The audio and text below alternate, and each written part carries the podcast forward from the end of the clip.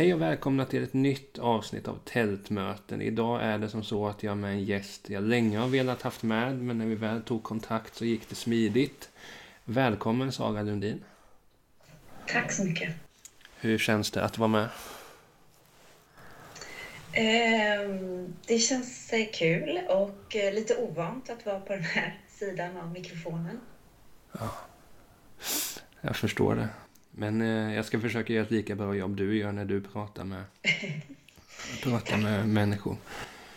Jo, jag ska bara ta det innan. Eh, det var lite kul. Förra säsongen hade jag med Anton Berg här i avsnittet och det var ju he hemskt kul.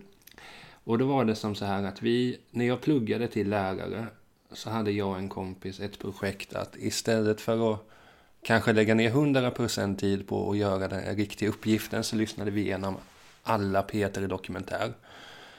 Fram till då 2020. Och så visste jag att du hade gjort en, he en hel del där. Och så gick jag och räknade. Och, så, och, då hade vi ett ganska satsat dokument. Du kan få se det någon gång om du vill. Där vi skrev då recensioner om Ormsedelmorden och så här. Och betygsatte på en skala 1 till 5. Så kom jag på detta igår och satt jag och räknade bara vad ditt snitt blev. Och faktum är att Anton Bern fick högst snitt. Han hade 4,2. Du hamnar på andra plats med 4,1. Oj. Så det är ju de som hamnar högst där eh, har varit med. Sen kanske jag eh, kunde lagt ner lite mer tid på studierna också. Men därför är det extra kul att ha med dig för att du var med liksom där under hela studenttiden på så sätt att man lyssnade på poddarna, såg fram emot dem och Sen de nya poddarna jag lyssnat med, det har ju inte gjort mig besviken så att säga. Ja, men tack snälla. Vad, vad speciellt att få, få, få liksom ackompanjera din studietid sådär. Ja, men det, alltså det, det, det blev ju lite så att om man satt och skrev då till exempel om en, någon jämförelse mellan olika läroplaner, jag jobbar som lärare, olika läroplaner. Då var det ganska, det låter kanske bisarrt, men då var det ganska skönt att lyssna på Ormsedelmorden Samtidigt som jag skriver bara läroplanen 64 säger de det här och det här. Mm. Så ja, det gick ju bra. Jag är utbildad så uppenbart så, så löste det sig. Vad, vad är du lärare i för ämne? Mellanstadiet, och eh, svenska, engelska, matte. NO teknik har jag behörighet till. Som jag vet. Det blev som en ventil liksom att lyssna på ja. Omselemorden och ja. allt möjligt. Ja när man upptäckte att man inte bara kan lyssna på musik hela tiden så blev poddarna.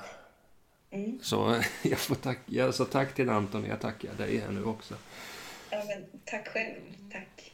Men jag tänker så här, hur, eh, hur blev du radiojournalist eller hur hamnade du på detta spår? Uh, ja, uh, hur gjorde jag det? Um, jag var intresserad av eh, att jobba med bild eller fotografi och, eller text egentligen. Eh, det var det jag ville göra, något av det. Och eh, jag tror liksom att radio blev ett mellanting mellan typ foto och text. Ehm, för när radio är som bäst så är det ju liksom visuellt på ett mm. plan Eh, och sätter igång fantasin inuti dig och sådär. Så, ehm, och det är jättemycket form och det är jättemycket gestaltning i att göra radio. Eh, så jag tror liksom att det blev en kombination av de två sakerna. Eh, och jag sökte egentligen in lite av en slump till en folkhögskola i typ i Ådalen Ehm, efter jag hade liksom pluggat konst och sådär. Och eh, ansökningstiden till den här folkhögskolan hade gått ut, men jag skickade ändå in en ansökan och det var, handlade om eh, radio, tror det var dokumentärt berättande och drama eller något sånt där. Den hette just den eh, linjen på Hola folkhögskola. Det var alltså länge sedan det här. Det var eh, liksom innan, nej vad fan var det? Ja, det var på tid, slutet av 90-talet liksom. Um, och så kom jag in där och så gick jag där och liksom fick börja med att klippa i rullband och sådana saker. Och sen, bara för att prova då. Det var inte så att de inte hade teknik. Men um, ja, så det var liksom där det började. Det kom jättemycket bra föreläsare till den folkhögskolan och sådär. Och sen så började folk i min klass söka in till eh, Dramatiska institutet som jag liksom vagt visste vad det var typ. Eh, men då sökte jag också in där och eh, på den vägen är det. Men då när du sökte in till eh, och kände att du ville jobba med radio, hela den biten, fanns det, hade du alltid lyssnat, var du radiofan som ung eller hur kom det sig att det blev just den biten? Eh, ja, alltså ja, nej, inte jätteradiofan var jag väl inte, men jag, jag vet att jag jag vet att jag liksom tyckte om vissa röster och liksom hade vissa starka upplevelser av att ha lyssnat på eh, några saker liksom, som verkligen gjorde liksom, intryck på något sätt. Men det var ändå som att gå in i en ny värld. Sådär. Jag hade liksom aldrig riktigt, när jag var liten hade jag liksom inte fantiserat om att bli radioproducent eller göra jobba med ljud på det sättet. Men, ehm, men när jag tänker nu efteråt liksom, så kan jag ändå märka att vissa saker som jag hörde på gjorde, eh, men satte djupa spår. Liksom. Mm. Och det behöver inte vara så här någon makalös historia eller så. Det kan mer vara typ en stämning eller jag vet till exempel en gång när jag typ låg i en tältsäng och lyssnade på radio, bara något som kom på liksom. Och då var det en intervju med ett band som hette Dead Can Dance tror jag och det var Ika Johannesson som intervjuade dem som, som jag vet har varit gäst i din podd. Ja.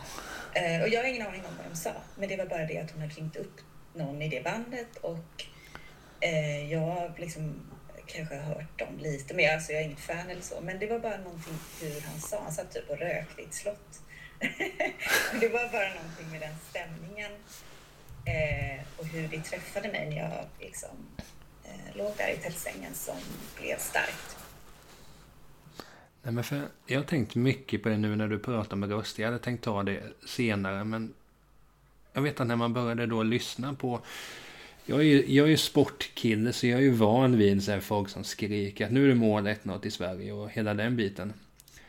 Eh, men sen när man börjar då lyssna som på, på era poddar eller poddar överlag, hur viktigt det är med rösten. Jag tänker som, men som, som, som du här då, att du har ju en väldigt, eh, det är en röst man gärna lyssnar på. Du låter ju väldigt snäll.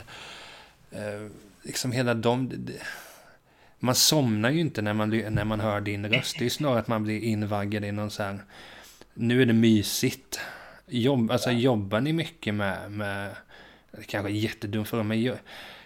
Förstår du vad jag menar? Jobbar ni mycket med röst, hur ni ska presentera avsnitten eller vad det nu kan vara? Eller kommer det bara naturligt att du alltid har haft en sån här bra röst helt enkelt? Ja, men tack. Eh, nej, det är ju ett litet helvete faktiskt. Eh, men eh, alltså när jag, gick, när jag gick på skola så var det mycket snack om röster. Då hade vi till exempel en röst coach, kommer jag ihåg, som kom in typ en förmiddag och sa att alla skulle prata eh, ner i magen, liksom djupt. eh, och då gjorde vi massa övningar och läste in saker på olika sätt och sådär. Men sen efter det, när jag kom in i, med, liksom, i arbetslivet, då har det inte varit så mycket snack om det. Då... Eh, nej, det, det har det inte. Nej. Du får lära mig konsten på det så man inte bara låter som en trött smålänning eller någonting. det, gör, det gör jag också ibland. Som att jag sovit i en trappuppgång eller något jätteofta. Men, men man läser ju om och man lär sig och man liksom, jag låter ju inte likadant som jag gjorde när jag gjorde om Sellemorden för 15 år sedan. Liksom. Eh, det, Nej, det, det vore helt, ja det vore ju konstigt. Men det gör jag inte.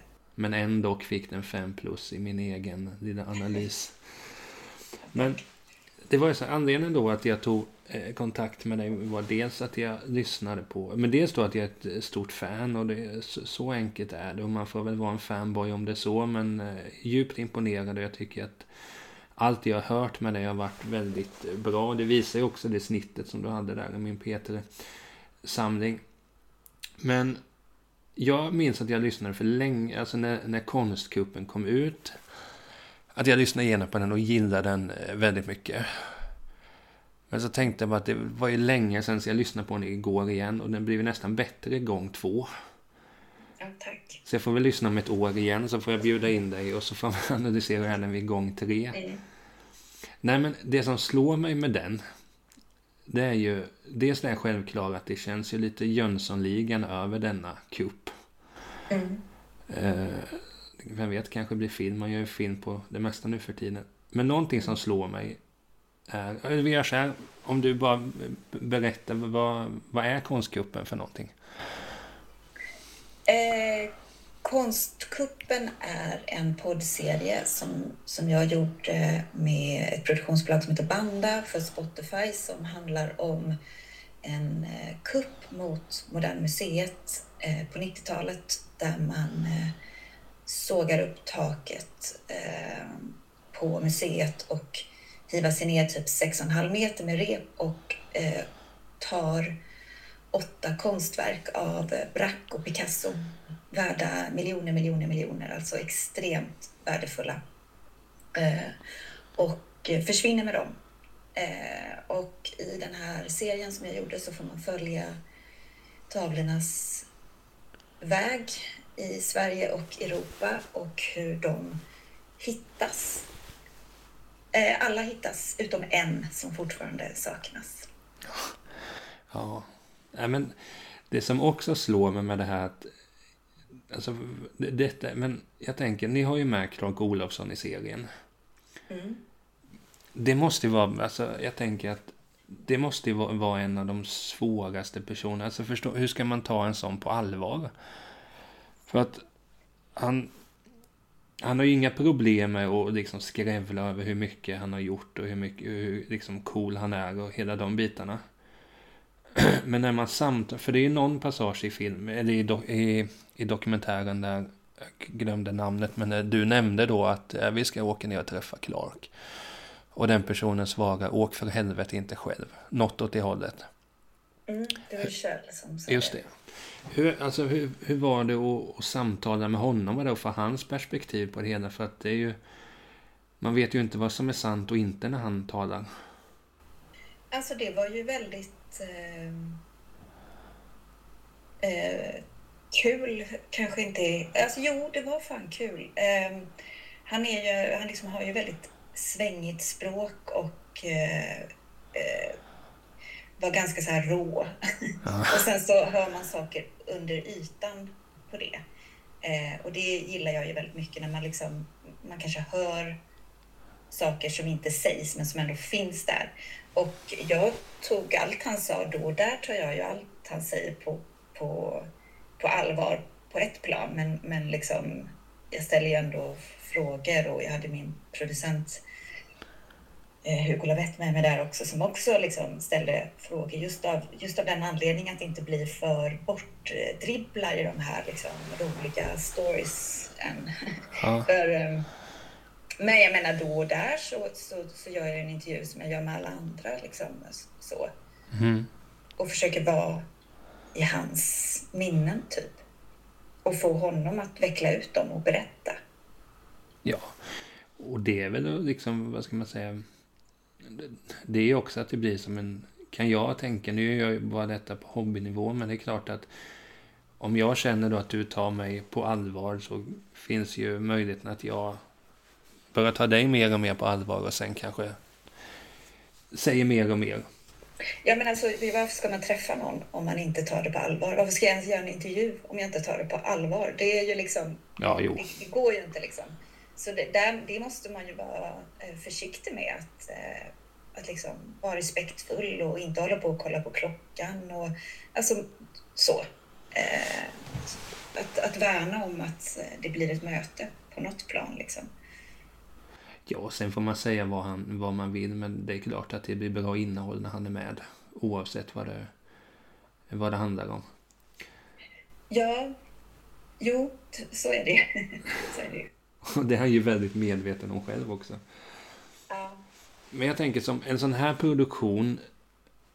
Det, det, kommer, det är ju sex avsnitt i ungefär 30 minuter styck. Men jag tänker materialet ni spelar in, det måste ju vara mycket, mycket, mycket, mycket, mycket mer.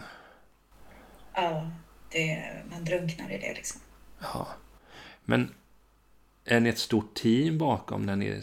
Ja, man, ni nämnde ju att det var producenter och så, men hur, hur funkar hela hela klipp eller redigeringsprocessen sen, sen? Eller sitter ni själva i ett gäng eller hur, hur funkar det? Eh, ja, i stort sett. Alltså den här eh, serien med Konstkuppen var, liksom, då hade jag ju eh, producent som jag jobbat tätt med och sen så mot slutet så, så liksom kom det in lite extra eh, hjälp liksom i, i, ja, men i form av liksom research och sådär. Men eh, på det stora hela jobbar man ju väldigt ensam med allt. Ja. Eh, det är väldigt sällan jag har jobbat i stora team. Det, det var när jag jobbade på SF Drama. Då var det ju liksom ett, eh, ett, ett stort gäng liksom av författare och skådespelare, eller liksom, ja, det, hela ensemblers och, och ljudtekniker och allt möjligt. Men, men en grej som jag tycker om är ju att jobba liksom Eh, Eh, i små team eller ganska mycket själv på ett plan. Men en sån här lång serie på sex avsnitt eller så, det går typ inte att göra. Där måste man ha liksom en närvarande producent och så. Men på det stora hela gör man ju nästan allt själv. Ja. Och det är mer beundransvärt för jag tänkte mycket på det när jag lyssnade på, ja men nu är det som igår, att det är klart att många, många gånger hade man ju känt att ah, men det hade varit kul att se en film om detta. Men med tanke på att du är en sån otroligt skicklig berättare så behövs ju inte det när man gör podden på detta sätt. För att när ni beskrev, och Clark också då, och eh, Tommy Lindström och alla som var med, att man, man, får ju bilder i huvudet om hur det ser ut när de åkte till det här Stenungshotellet där. Eller när Clark kom in Clark kom in och hans kompis var ju jätte mm, på kanelen och de skulle hämta tavlorna hos, hos tjejen och allt. Mm. Men det, det är det jag, jag, tänker så många gånger när man gör de här, när jag gör själv, man gör intervjuer och bara okej, okay, hur, tänkte du här? Du släppte den här boken där och då. Men det, jag är så fruktansvärt imponerad att den här dokumentär, alltså den radiodokumentär som du har gjort om konstkuppen, hade det kommit en film, jag hade ju inte ens sett den för att... Nej, jag håller mig vid det du gjort för det är så förbannat bra rent ut sagt. Ja men tack. Tack snälla, vad glad jag blir. Ja men så sjukt imponerad bara. Det är likadant, vi kommer in på Hultsfred eh, sen, men det är samma sak där. Jag kände ju att jag bara ville sätta mig på tåget och åka hem så att säga. så, okay. så tack, tack, för det. För det är just sånt jag tänker på, alltså hur mycket... För det hade varit en sak som om du bara hade suttit ner och pratat med Krag så här och, och startat, så berätta om ditt liv. Och han ber, eller valfri person behöver inte vara han. Eh, då, då, är det, då är det inte nödvändigtvis så mycket så här man jobbar med bilder, men att när ni lägger in eh, ljud i bakgrunden, att, det, att man hör en bil åker, eller att man hör regn, eller det är så fruktansvärt bra gjort så att jag är mer och mer börjat bli att Står det mellan att det finns en radiodokumentär eller en filmdokumentär så blir det ju radion och det är ju ja, du och Anton och, och många eh, ja, sig skyldiga till. Men eh, det är jag ju tacksam för. Då får man tid till annat också. Ja men vad kul för att det, det, det är ju liksom inte bara att göra en intervju och lägga information på rad som är liksom radio eller podd dokumentär, utan det är ju, det är ju liksom verkligen att jobba med, med ljud och tystnad och liksom att ana saker under ytan. Och det är ju liksom ett, ja, väldigt mycket gestaltning helt enkelt för att man ska orka lyssna i en halvtimme eller en timme eller liksom mm. ännu mer. Så det är ju, det kombinerar ju så många olika saker för att det ska bli riktigt bra på ett ja. Nej, jag menar, det är också visar ju på vilken fingertoppskänsla man har som, som den, det känns ju som det bara snackas om Clark hela tiden, men när ni är hemma hos honom och man hör att eh, han har på tvn i bakgrunden, det gör ju också saker med en. Att, mm. alltså, ja men han kanske har gjort Norrmalmstorg och allting, men ja, han gillar också att slökolla på tvn på, på kvällen. Ja, här sitter han och kollar på skidskytte liksom. Ja. ja. Nej, men det... Men hela den här idén till konstgrupp, om man tänker att man får en idé, alltså hur, hur går det till från idéstadiet till att man börjar göra med den? Vilken ände börjar du? Är det att höra av sig till personerna först, researchen först, eller? Eh, så, ja, men ska jag ta hur det började med, med just konstkuppen då? Ja, det kan du göra. Så då så eh, blev jag kontaktad av bandaproduktion och så fick jag frågan om jag ville göra eh, en serie om, om den här konstkuppen. Och det träffade mig precis rätt just då, för jag, hade, jag skulle precis bli utlasad från Sveriges Radio, där jag hade varit i några år och jobbat då med, med drama. Eh, men liksom började längta väldigt mycket efter att göra saker själv igen. Eh, för då, jag hade liksom en period när jag tänkte att jag var lite trött på det dokumentära, för det är så lätt att känna sig som en, en vampyr liksom, eller en, en parasit som kommer och liksom gör en intervju om någons trauma och så drar jag liksom som en jävla daytraper och gör konst av det på något sätt. Och jag var liksom trött på det. Tyckte det kändes jättejobbigt. Eh, men sen när jag började jobba med, med drama liksom och, och så, då, i den rollen var jag lite mer av en eh, projektledare eller vad ska jag säga. Liksom, eh, och började inse att det var jättekrångligt och jätte... Liksom, jag saknade helt enkelt hantverket och ville tillbaka till det dokumentära berättandet för att det hade också börjat ta ut svängarna mycket mer i sin serieform och det har liksom blivit mer fritt och eh, spännande än någonsin. Liksom. Eh, så att när jag fick den förfrågan så tackade jag ja, i princip direkt. Men jag ville ändå ställa frågan så här, men hallå, konstgruppen har berättats förut. Det finns ju en eh, P3-dokumentär, det finns en eh, tv-dokumentär tror jag. Varför ska jag berätta den liksom? Och då sa Hugo Lavett eh, att eh, ja, det har det, men det är ingen som har brytt sig om den där tavlan som är försvunnen, den vita duken av Brack. Eh, och det är så lätt att prata om hur cool kuppen var eller liksom eh, brottet och så. Men det är ingen som pratar om vad konst betyder och vad, vilken förlust det är. Och det är så lätt att raljera över en liten tavla med liksom tre citroner typ och en karaff på. Mm. Men vad betyder det egentligen? Och då, det kände jag liksom var nyckeln till, aha okej, okay, just det, fan vad fint att höra att du tänker på det här sättet. Då, då gör vi det. Därför att om, om jag gör liksom, jag är inte så intresserad av så stora episka slag och sånt, utan jag är mer, eh, eller liksom det coola brottet i sig, utan jag är mer intresserad av de här detaljerna som får mig att, eh, som leder in mig till saker, relationerna bakom symptomen som gör att man begår en sån här handling eller vad som händer sen. Eh, så det var liksom inkörsporten och eh, sen så hade jag också då ynnesten att få lite researchhjälp av ehm, Eva-Lisa Wallin som eh, är min kollega nu ehm, och hjälpte mig under konstgruppen också lite. Ehm, och så började jag sätta tänderna i massa förundersökningar och de var ju helt de var, de var helt fantastiska. De var liksom, det var intervjuer med inblandade människor som var så eh, roliga. De var så varma, skojiga, käftiga, mörka, fulla av detaljer som liksom små konstiga frukter som liksom knasvakten hade ätit på en thai-restaurang innan han begår, liksom, ja, innan han eh, helt enkelt håller knas i en röd gammal bil vid kajen. Alltså det var så många ja. eh, detaljer som gjorde att jag bara, vad fan, det här är ju helt, det är helt otroligt. Ja. Och, eh, och sen så började jag skicka brev till en massa folk som var inblandade eh, och ringa. Och sen är ju det ja, det är alltid en liten vånda för man känner typ att man kommer och stör eller drar upp något och sådär. Men många svarar inte, Eh, men många svarade.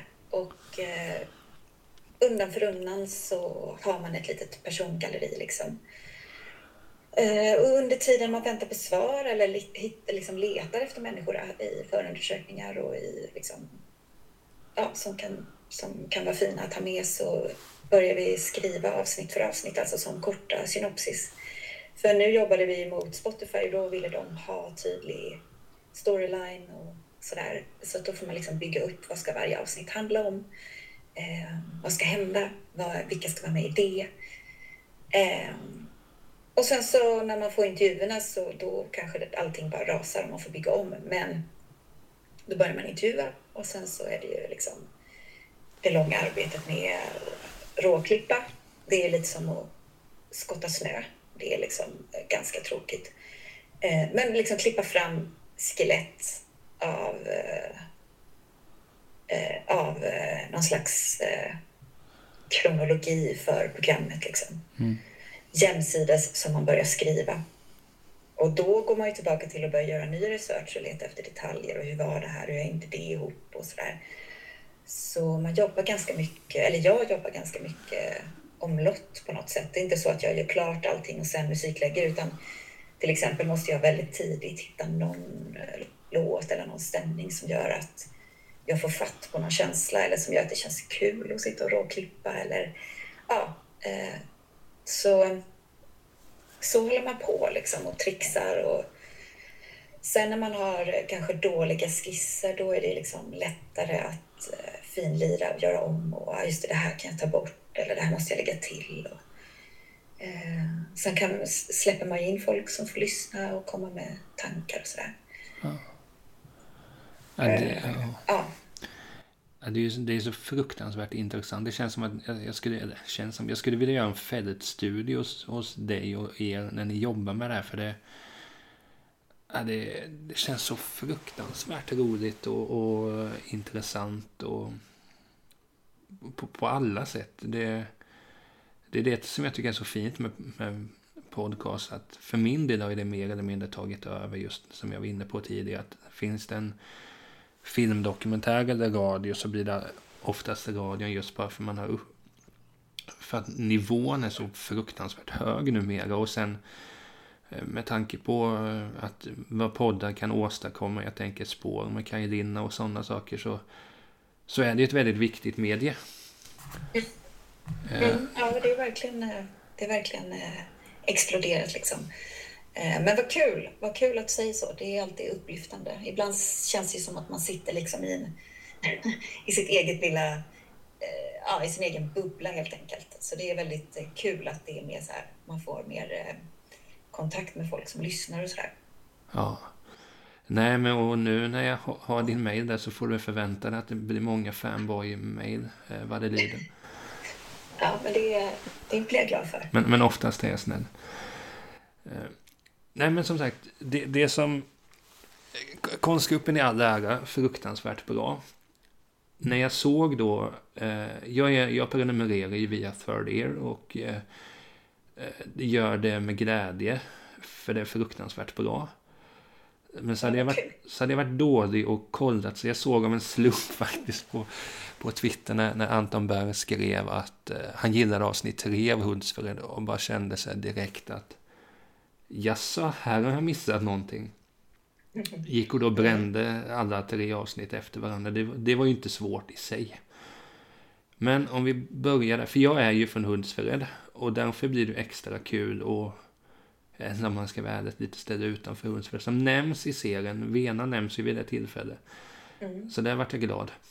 Eh, så tack för den. Nej, men vi, vi, behöver, vi behöver nämnas också. Mm. Men hur, hur eh, alltså vad, vad, eh, hade du någon koppling till Hultsfred tidigare eller? Ja, eh, jag var ju där som tonåring. Alltså jag är ju uppväxt utanför Kalmar, en förort som heter Smeby. Och eh, det var ju liksom nära att åka till Hultsfred. Eh, så jag var där, men sen så var det ju också så att det var lite för nära kanske, så att jag ville hellre dra till Roskilde och så. Eh, så jag, jag har, jag, alltså, ett år så jobbade jag på Hultsfredsfestivalen då och sen ett år då var jag där, jag, alltså jag vet inte, vad var jag, 15 typ. Um, jo, men så, så jag har den liksom, ingången lite, men jag var inte så mycket på Hultsfred efter jag var 16, 17 där. Nej. Men det var då. Ja, det är för min Jag är född 90 så den kom lite... Och sen det är som du också nämnde, det, det kändes så här...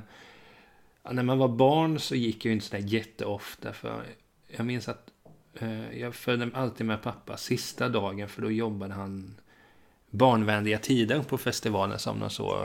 Eh, ja... Någon form av... Ja, han, någon vakt liknande så. Inte de här mm. coola vakterna men mer de som står för att de gör det för att föreningen vill att de ska göra det typ. Just det. Då kunde man stå där, för då minns jag att han jobbade typ till klockan tre. Så åkte familjen in och så köpte man remmar och allting sådär. Mm. Men sen så var jag egentligen bara två år så på riktigt så 07-08 där. Men sen, jag vet inte, det dog ut och sen var det lite så här, man vill vara lite cool att ja men jag ska inte på Hultsfred. Uh, mm. Men nu när det inte finns så är, jag känner, det är bara ledsamt. Uh, men mm. därför är det ju skönt att lyssna på dokumentären. Men om vi, om vi tar oss till Hultsfred. Hur funkade det? Hur, hur fick du idén där? För det har ju gjorts lite dokumentärer och böcker och och den, ja, det kom ju en bok förra året måste det vara. Nej, jo det blir det.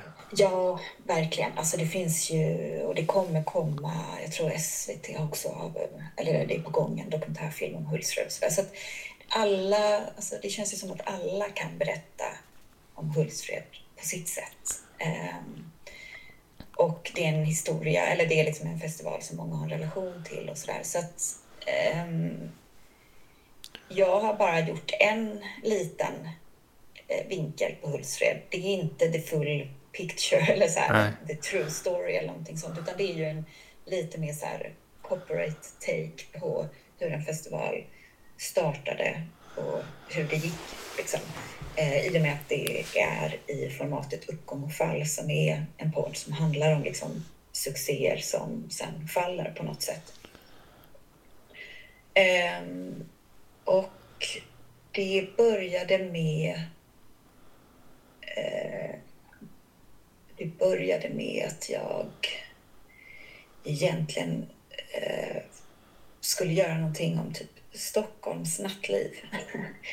eh, och eh, letade efter, alltså det var min producent vid det, vid den, vid det tillfället eh, som hette Anna Åkerlund som vi hade pratat om Gino som var liksom en eh, tongivande klubb på, i Stockholm och eh, pratade väldigt mycket om liksom, att det vore mysigt att göra någonting om liksom, nöjeslivet och den påverkan det haft och olika så, anekdoter där och hej och och på det sättet så började vi prata om Mondo som var en klubb som låg på Medborgarplatsen eh, som Håkan Waxegård var inblandad i och så. Men det går liksom inte kanske att bygga en, en radiodokumentär på, eller det hade nog gått, men, men om, eh, om Mondo och hur det var. Utan det, det, skulle nästan bli lite snävt kändes det som. Så då är det bättre att vi bara gör rakt av det som Håkan Waxegård mest är känd för, Hultsfred, rakt upp och ner, liksom, gång och fall. Eh, och på den vägen var det. Ja, det är också lite kul. Jag har länge haft en idé själv att göra någonting om Hultsfred, i och med att man är därifrån och sådär. Mm, eh, absolut. Men det, det kändes så här... Ja, jag tror så att din, det är som du säger, din dokumentär är så här, eh, ja men uppgång och fall. Och superbra. Eh, och jag blev glad att det nämndes både Oasis och jag vet att jag läste deras bok som kom ut för ett tag sedan så pratar de ju lite om Hultsfred. Men de nämner det inte vid namn utan bara det Postcard Village. Mm. Och att det var snygga brudar där. Och att jag tror det var Liam som hade gjort inbrott på systemet. Så att även, även, även de stora stjärnorna kommer ihåg det. Precis. Nej, men och det, det, är det som är kul det här med Hultsfred nu. Din dokument, lite så här lokalpatriotismen kommer in i det. Din dokumentär, Anders Nybergs eh, film som kom för några år sedan som jättefin. Boken som kom förra året och nu då SVT. Eh, men det hade varit intressant att gjort någon sån där riktig övernördig dokumentär. Det är kanske är det man ska göra. Så får Hur vi... menar du nördig? Ja, men så liksom riktigt gå ner på djupet och, och jag tänker som du nämnde här med Wu-Tang till exempel, deras... Eh, eh, vad de ville ha med i sin rider till exempel. Mm. Och gå ner på djupet, liksom, hur, hur fixar man en sån mängd? Mm. För det, man går inte till ICA bara. Just. Nej, exakt. Um... Eller Coop i det här fallet, det ligger väl bättre till. Precis. Nej. Ja, men alltså, och det, det är ju verkligen, eh, det kan man ju verkligen göra. Ja. Men det är svårt att berätta lika djupodlande om allt ja. på något sätt. För då kan det ju lätt bli eh, som en telefonkatalog. Alltså, det, det är väl det det handlar om, att välja, men också att välja bort. Alltså ibland om man gör dokumentär ska man ju inte underskatta det som inte sägs. Det är sant. alltså det är också ett val och ibland eh, någonting som kan vara viktigt att liksom eh, välja bort helt enkelt. Ja, det finns en anledning varför du jobbar med det här och jag bara gör det på för att man ska fylla tiden. Nej, Nej men det, och det som slår mig med Hultsfred är ju att dels hela den här att man, man, fick ju en bild av, ja men det som jag sa förut att, att jag vill åka tillbaka. Eh, det är inte ofta jag vill det. Eh, så det, får, det, det är plus där. Men just också att både Putte Svensson Salin och Håkan Waxegård är med. Nej, men det som jag tycker är så pass intressant var det här att då är det två personer. Att I mångt och mycket så säger de ju samma sak. Men sen är det ju så här, och det är ju det som är styrkan tycker jag i den här podden. Att, att, att du är liksom, man, man är opartisk. Det är ju, många gånger kan jag tycka att om man lyssnar på en podd att, ja men jag, men ta, ja men säg Palmemordet till exempel. Där har jag en tanke om vem jag tror skulle ha skjutit Olof. Då hade det varit lätt att göra en serie där jag bygger då för att visa på min tes. Och så hade jag intervjuat dig och så har du en helt annan syn på det. Eh, och jag tänker som, som i det här att ni, ni klipper det så fruktansvärt bra att så det kan vara så här som Putte säger. Det kan också vara så här som Håkan säger. Eller som eh, Per Alexandersson som klipps in också. Mm. Och det är det jag tycker är så fint, för du, du säger ju inte vilken vi ska tro på.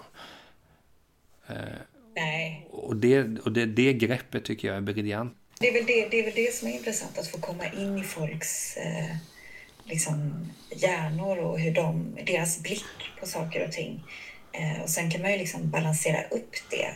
det eh, att man kastas in i liksom, den människans ja, eh, versioner av saker och sen får man dyka in i nästa värld på något sätt. Det är väl det, är väl det som är storheten med att kunna berätta. Att man får olika nyanser och olika perspektiv på saker och ting. Ja. Eh, sådär. Det blir väldigt tråkigt att bara hålla en stram objektiv linje och liksom inte ta in folks subjektiva eh, prägel på saker. Det blir ju liksom det blir pisstrist skulle jag säga. Ja. Ja, men, och det är den förlängningen. Jag håller med dig. Det hade ju varit så om, om, om du tid, tydligt hade bestämt att ja, men jag tror på person A om någonting och sen bara kör på den linjen så har man med person B bara för att ja, men, det hade varit fel annars. Men personen får inte lika får inte mycket att säga till om och sådär. Men det, det, det är ju där jag tycker att ni, ja men du då och andra som jobbar på för er och sådär, att ni är så bra på den grejen att det låter ju enkelt att ja men det är klart att båda ska ju få komma till tals och, och Alltså nu tog jag ju de här som exempel bara. Det är ju likadant med, med Clark eller eh, David Lagercrantz där i Åmsele eller vad det nu kan vara. Att ni, jag hade inte kunnat lyckas så bra som ni hade gjort helt enkelt. Och det, det jag egentligen bara vill säga att jag är full av beundran. Eh, det var ett långt sätt att komma fram till det. men, tack, tack snälla. Eh, ja, men det där är ju... Det beror ju lite på vad man vill berätta. Ibland så, kan det ju också vara att man berättar en subjektiv historia.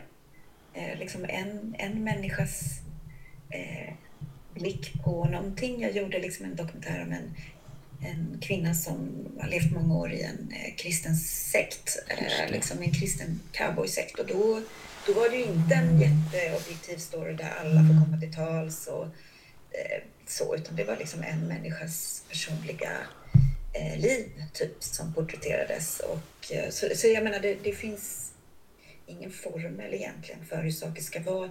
Om det inte typ, alltså med Peter Dokumentär är det ju så, då, då vill man inte ha en människas blick på det, utan då vill man ju ha många olika sidor av vad som hände. Det är det som är själva grejen, liksom. Att man balanserar upp det. Eh, så tillvida folk tackar ja. Det är inte alltid jag, folk gör det, så man får liksom pussla och... Ja. Jo, men det är det förstås. Eh, nej, men för det, det, var mycket sånt med för att, Och det är det man tänker med, med Hults för att, att jag tror, alltså så här, ni, och med tanke på att Putte och, och Håkan är med, att jag blev så glad att se att liksom, ni fångar bilden av vad Hultsfred, alltså samhället är också. Just det här två telefonnummer bort. Man hjälps åt, det fanns ingen. Visst nu... Men du förstår vad jag menar. Att, att det hade varit lätt att bara prata om festivalen. Men då hade ju inte kunnat prata om bara festivalen om man inte hade hur samhället fungerade då. Sen tycker man olika. Att eh, jag har ju inte de upplevelserna att det är två telefonnummer bort. Men jag har ett annat kontaktnät än vad de har visserligen. Nej, Nej men det, jag tror att... Eh, som sagt, det skulle kunna gå att berätta om eh, den här festivalen på en miljard andra sätt. Så det här var ju liksom en version av det, min version av det. Och på åtta veckor liksom, som jag hade till förfogande. Och ja, då får man välja bort en del eh, och jag var nyfiken eh, på liksom den här lilla bruksorten och hur, hur, hur det började och hur det kom sig och sådär. Ja. Och det jag tyckte var skönt då eftersom jag skulle göra ett uppgång och fall som har lite mer den här eh, businessvinden i sig liksom, så, så var det också intressant att höra Putte till exempel då berätta om eh, att eh, inte ha någon målbild. Eller du vet, ibland när man ska så här, när man pratar om starta företag eller hur det är på ens jobb, när man pratar om så här värdeord och vad vi ska sträva efter och ja, ha liksom stora målsättningar. Utan att han bara, men skit i det, liksom, det är bara att göra. För har man för stora mål, då har man jävligt stora skor att fylla på något sätt och då kanske det blir så ouppnåeligt att man bara kraschar. Utan eh, det som var mäktigt med att lyssna på hur de byggde sin verksamhet så, så var det ju att okej, okay, vi gör, vi kör. Liksom. Det är bara fullt av dådkraft och eh, passion. Eh, och det tyckte jag var så jävla härligt att få höra den sidan av det. Så att det inte bara är den här Ja, så sätter vi oss ner och skriver ner liksom våra värdeord och så tar vi in en konsult. Utan de bara, nej, fuck it, vi kör. Liksom. Så det blev jag glad ja. Nej, och den är, det är som jag sa, jag tycker den är... Eh, ja, den är förstklassig. Den är riktigt bra.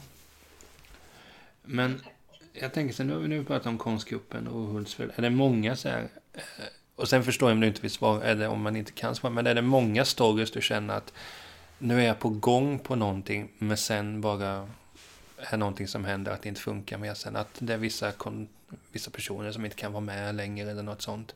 Är det många stories, är det många dokumentärer som har gått åt stöpet helt enkelt? Uh, inte så jättemånga faktiskt. Uh, låter ju lite kaxigt, men, men det, är, det, är, det är några såklart. Uh, som, eller egentligen kan jag faktiskt bara komma på en som jag vet att det så här, nej det går inte, vi får lämna tillbaka pengarna typ och, från SR och så får vi ja. skita i det. Det, det, det hände en gång. Men sen kan det ju vara folk som drar sig ur eller att man börjar researcha på någonting som sen inte håller. Den, den grejen är ju lite vanligare. Ja. Alltså att man bara börjar sniffa på det och så inser man att nej, det här det går inte riktigt. Eh, men eh, eh, inte så jättemånga faktiskt. Ja, det är ju skönt det. Ja. Men jag tänkte på det, när du nämnde det här med Hultsfred också, att du fick åtta veckor på dig.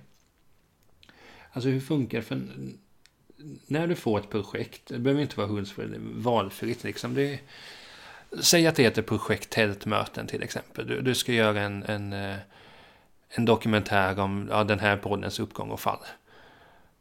Är det då så att, du, att, att man nämner att okej, okay, du får den här tiden, den, den här budgeten, eller hur, hur funkar det?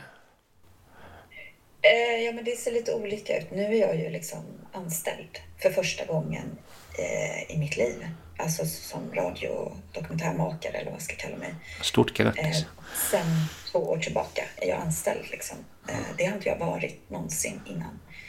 Eh, så det, det, nu ser det ju lite annorlunda ut än vad det kanske gjorde tidigare. Så, eh, men, men, jag menar,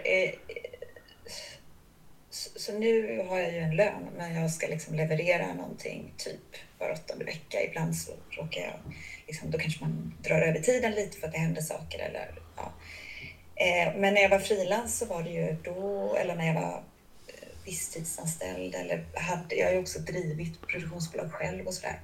Eh, då är det väl kanske att jag får en påse pengar från till exempel SR och så får man göra vad man kan med det.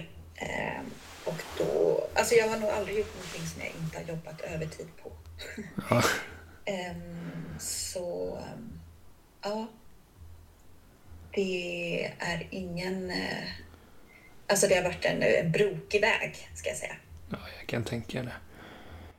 Eh, och um, men det måste ju kännas skönt nu då att vara fast anställd och inte behöva jaga, eller jaga är man i alla fall, men det, det är en liten annan grej.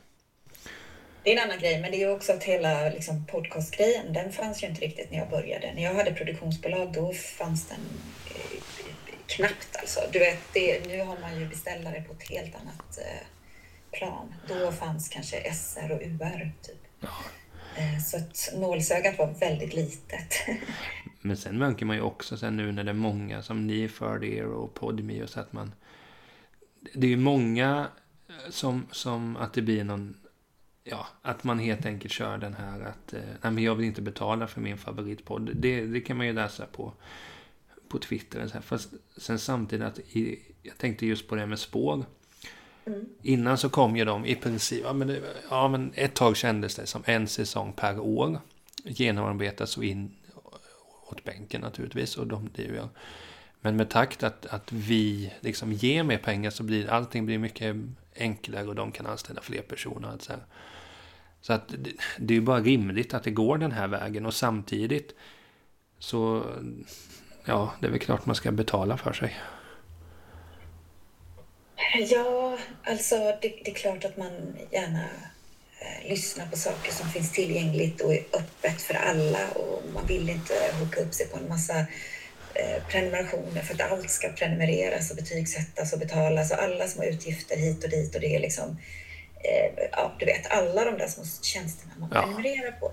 Men eftersom jag är, makare och sådär så kan jag också känna så här, men herregud, det är ju som att köpa kanske en kvällstidning och så får du det här eh, porträttet eller så här genomarbetat och eh, eh till och med, alltså, ja, men det är ju för att jag kommer från så public service håll. Liksom. Mm. Men jag, jag håller ju med dig. Jag tycker ju att man ska stötta och, och eh, jag är glad för att eh, folk vill betala och vill stötta den typen av berättelser och journalistik som, som vi gör och som vi kan göra ännu bättre om vi har liksom, det stödet. Typ. Ja. Nej, och med tanke på... Eh, nej, men det är Jag tycker nästan det, det är som samma tänk. Alltså det är när... Eh, jag känner lite igen mig sen när Netflix kom för egen del. Att, ja men vadå, ska jag betala för de här? Det är smidigare att bara surfa in på Pirate Bay och sådär. Ja, det kanske det är. Men sen samtidigt... Det har ju gjort att saker och ting Jag tänker Spotify och sånt också. Att det är ju så här det är och det är fullständigt rimligt att att jag betalar för de här. För att det, ska du, det, går du och köper, är du hungrig så måste du ju betala för maten. Och någonstans tycker jag det är lite samma här. Att vill jag lyssna på en bra story eller någonting, ja då får jag väl betala en liten slant. Och det är inte så att det är inga astronomiska summor heller om man ska vara helt ärlig. Nej. Nej, precis. Men det är ju kanske en annan diskussion. Mm. Men jag kommer fortsätta betala så länge ni gör såna här bra grejer i alla fall. Det lovar jag. Hurra! Ja, det blir vi glada för. Sen kanske jag glömmer bort att jag prenumererar. Nej, skämt åsido. Ja, exakt. Det står tickar där. Jo, men så är det ju med många saker. Men sen, det, det, det är bara det sista spåret. Eh, att vi nämnde ju det här i tidigare avsnittet att jag hade det P3 Dokumentärprojektet. Och eh, då var ju Ormsede, det är inte många vi har gett 5 plus, men den fick ju 5 plus. Och det var ju inga problem att ge den det, för den är ju i mitt tycke den bästa P3 Dokumentär som har gjorts. Åh, oh, vad kul! Det var ja. min allra första P3 Dokumentär jag gjorde. Ja, det, det får man prestationsångest där bara. Det var alltså första och du gör den bästa. Ja, varför inte? Ja, det kanske var det där som vi pratade om förut med att inte ha för stor målbild och att man, är man lite naiv så ser man inte problem på samma sätt. Det är kanske det vi ska ta med oss från den här podden, att man har inte för stora mål. Alltså, men man funkar väl olika där, men, men jag blir ju lätt stressad om det är så här, en, en miljard eh, lyssnare, eller du vet, så här, nu låter ju det helt galet, men, men liksom, eller så här, vi, vi ska göra den bästa podden i hela världen, typ. Jag, jag kan lätt bli så här, vad fan, nej, jag orkar inte det. jag, jag går inte igång så mycket på det, eh, utan eh, då känner jag mer så här, men eh, vi, vi gör det lite här i skymundan, typ. Och sen ja. blir det kanske skitbra då. Så det är lite som att så, så om jag undervisar folk, eh, jag gör det ibland, eller så här, handleder folk som går radioutbildningar eller så. Och, och, och, de pratar just om det som du var inne på förut med rösten och så. Så, kan, så brukar jag säga liksom att jag tänker att om man jobbar med podd så är det, det är ett ganska så intimt medie, typ att man sitter själv och lyssnar i hörlurar eller, eller så, även om det är skit mysigt att lyssna på radio, bio och sånt, för det finns ju också. Eh, men att liksom tala, att inte tala så mycket till massorna, utan att tala till liksom en person. Eh, så det, det, tycker jag är för mig en större inspiration. Om jag ska tala till ett helt hav av lyssnare, då blir jag liksom lätt behagsjuk och vill gärna att alla ska tycka att det är jättebra istället för att liksom berätta det på, på mitt sätt, till, eller kanske till en person. Nej, men så här, jag, jag, tycker det är intressant med folk, lite som det du säger, att ja, men jag ska göra... Jag har ju inte ambitionen att den här podden som du är med i nu, att det ska vara världens bästa podd. Alla i Sverige ska lyssna på den i världen och sådär. Utan jag bjuder in folk eh, som jag är intresserad av och vill lyssna, eller, och jag vill samtala med dem. Sen om folk lyssnar, det är ju jättekul och det är ju folk som gör men så här, jag bryr mig inte jättemycket hur mycket, hur många som, som lyssnar. För det, jag är inne på det, om det hade kommit upp att ja, det var 50 000 som lyssnade på intervjun med Sara Lundin. Man hade ju bara fått ont i magen. Jag hade ju lagt ner den sen bara eller någonting. Ja. Och, det är lite det jag tänker på, så att jag har inte ambitionen att bli världens bästa lärare. Jag ska liksom bara se till att de får, de får det de behöver, de ska lära sig, bli så här goda samhällsmedborgare. Sen ha lite kul också.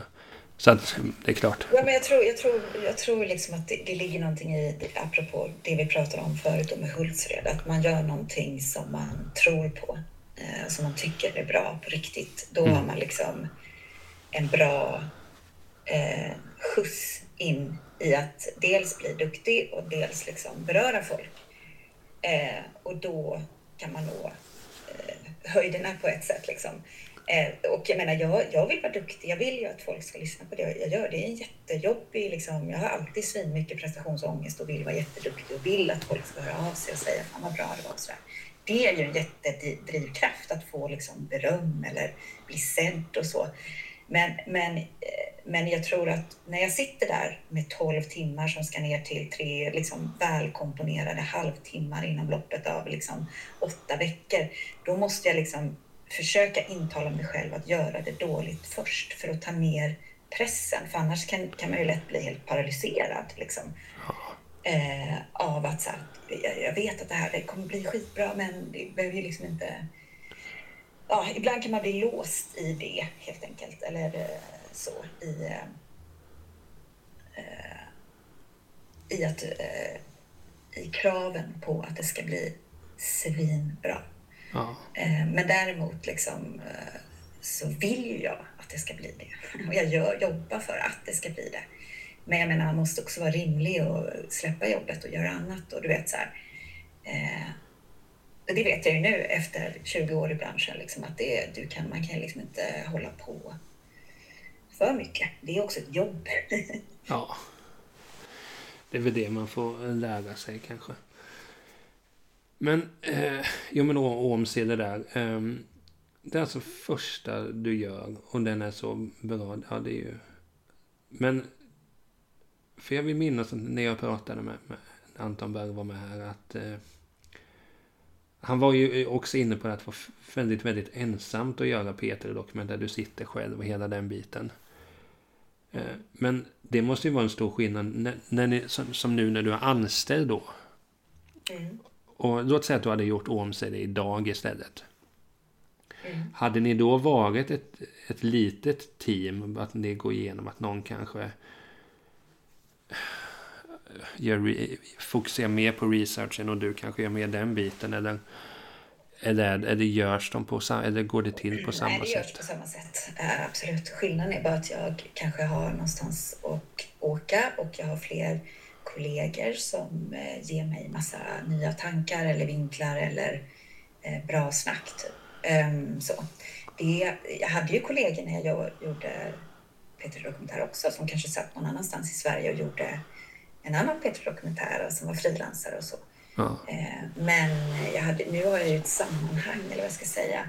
Då hade jag kanske en person i Radiohuset som visste vad jag gjorde, typ. Och sen så satt jag själv och gjorde det. Men i mångt och mycket så gör man saker eh, från grunden eh, själv.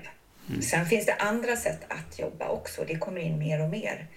Eh, alltså vissa som får research och, och, skriver manus, någon annan klipper, någon annan ljudlägger och sådär. Eh, vilket är ju kul och bra och kanske tidseffektivt och sådär. Jag, jag vill ju gärna göra ljudläggningen till exempel ganska mycket själv för att det är för mig är det ett sätt att tänka. Och så kan jag ha det här klippet här, ja men det kanske funkar om jag fejdar upp den här låten som ett avbrott här. Och du vet, så här, det, ja. för mig blir liksom ljudläggningen och musiken en komponent som en medverkande. Ja, det kanske låter lite högtravande, men typ alltså, jag, jag jobbar, alltså en del, formen blir en del av hur jag tänker dramaturgin. Så det är skitsvårt att, att inte ha med det samtidigt som jag klipper och skriver. Men, men alltså, så det där finns en mängd olika sätt att jobba och man, man gör kanske det, ja, det, det, jag ska inte säga hur man...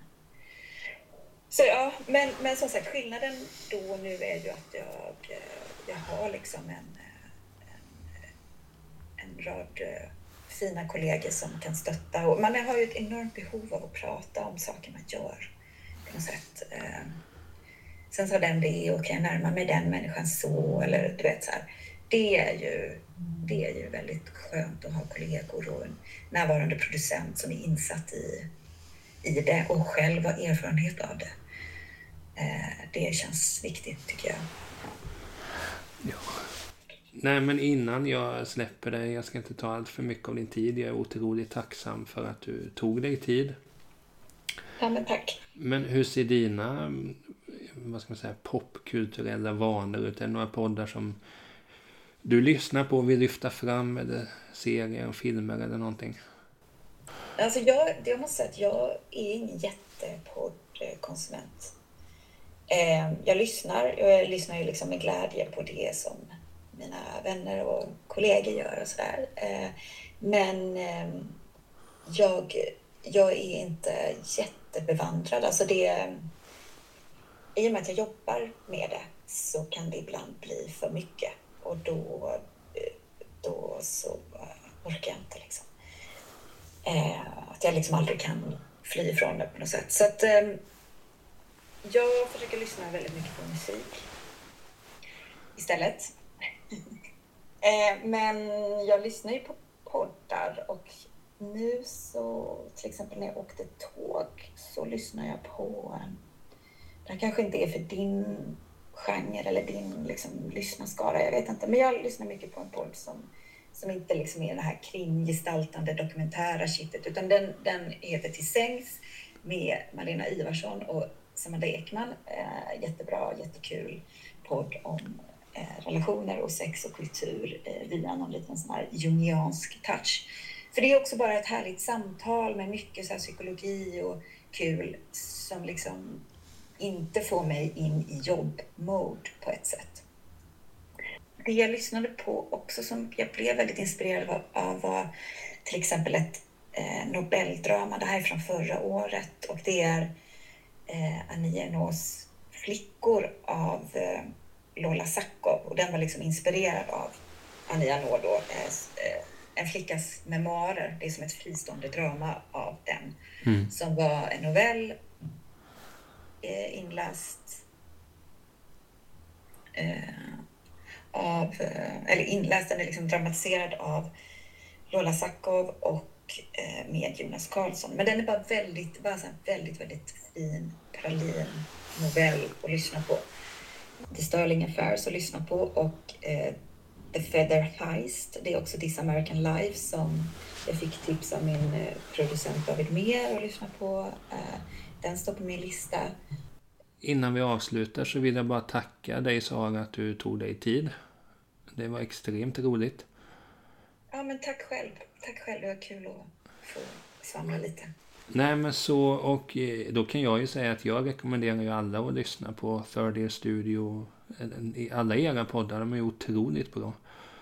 Eh, och eh, det känns som att man skulle kunna det känns som man skulle kunna snacka med alla hos er för att ni, nej, jag är stort, stort fan. Ja, men vad kul. Ja, jo, men det är super, superskickliga kollegor. Liksom. Ja. Så det, det, kan jag också rekommendera då, om man vill lyssna på eh, mer poddar, att liksom hålla in Skuggland till exempel, eller Uppgång och fall och sådär. Det finns mycket kul och eh, spännande och bisarrt att ta del av där. Fan, det slår mig, visst var det någon i Uppgång och fall om eh, den här affären mellan Kalmar och eh, det kinesiska bolaget. Var, var det inte det? Jo, jag tror det. Jo, Miljardären som försvann. Just det. Det är, också en jättebra serie som jag kan rekommendera av Mårten Trofast. Just det. Eh, också en kalmarit. Eh, så den är jättebra, lyssna på den. Ja, det, det, jag får göra det en gång till. Mm. Men nej, som sagt Saga, jag tackar dig. Eh, och jag tackar alla ni som har lyssnat. Så hörs vi snart igen.